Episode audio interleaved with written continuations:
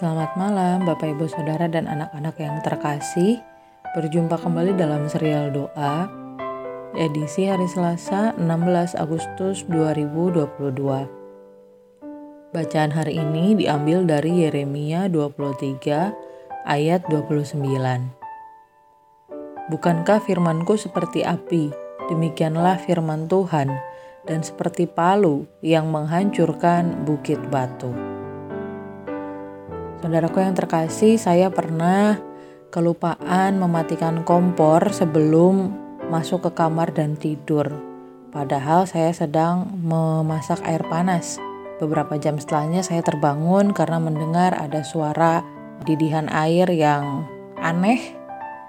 Tapi ternyata itu bukan didihan air tapi suara teko yang sudah begitu panas yang warnanya tadinya berwarna kemerah-merahan menjadi berwarna abu, warna merahnya hilang. Api berguna untuk membakar benda ataupun bahan yang dari mentah menjadi matang. Tetapi, kalau kita tidak menguasai atau tidak menerima api itu dengan baik, kita menggunakannya tanpa kebijaksanaan, maka sangat mungkin api itu menjadi hal yang menyakiti kita. Saya rasa kalau saya tidak bangun, bukan cuman tekonya yang berubah warna, tetapi rumahnya juga ikut berubah warna.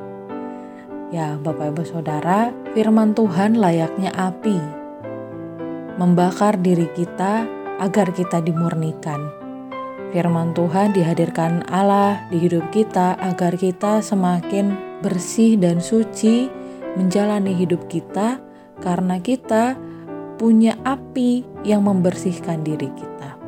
Firman Tuhan dipakai Allah untuk membersihkan segala kesalahan kita, keegoisan kita, dosa-dosa, dan juga setiap perbuatan tidak baik yang kita lakukan di hadapan Tuhan dan sesama firman Tuhan yang kita abaikan, yang tidak kita respon dengan baik, justru akan membuat diri kita terbakar di dalam keegoisan, di dalam dosa, di dalam kesalahan, dan itu lebih menyeramkan daripada dimurnikan.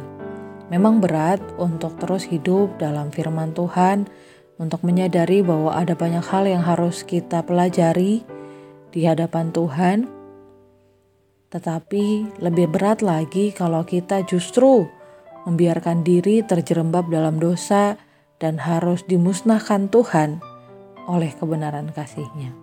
Mari kita berdoa. Ya Bapak kami bersyukur sampai hari ini Tuhan terus mengaruniakan firman-Mu di dalam hidup kami. Kami sadar ya Bapak, kami adalah pribadi yang penuh dengan kesalahan dan dosa.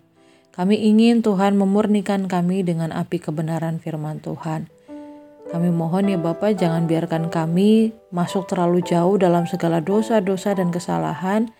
Jangan biarkan kami dimusnahkan oleh kebenaran Tuhan, tapi biarlah firman Tuhan justru menolong kami untuk semakin suci, semakin benar hari demi hari kami diburnikan oleh kasih Tuhan. Inilah doa kami ya Bapa.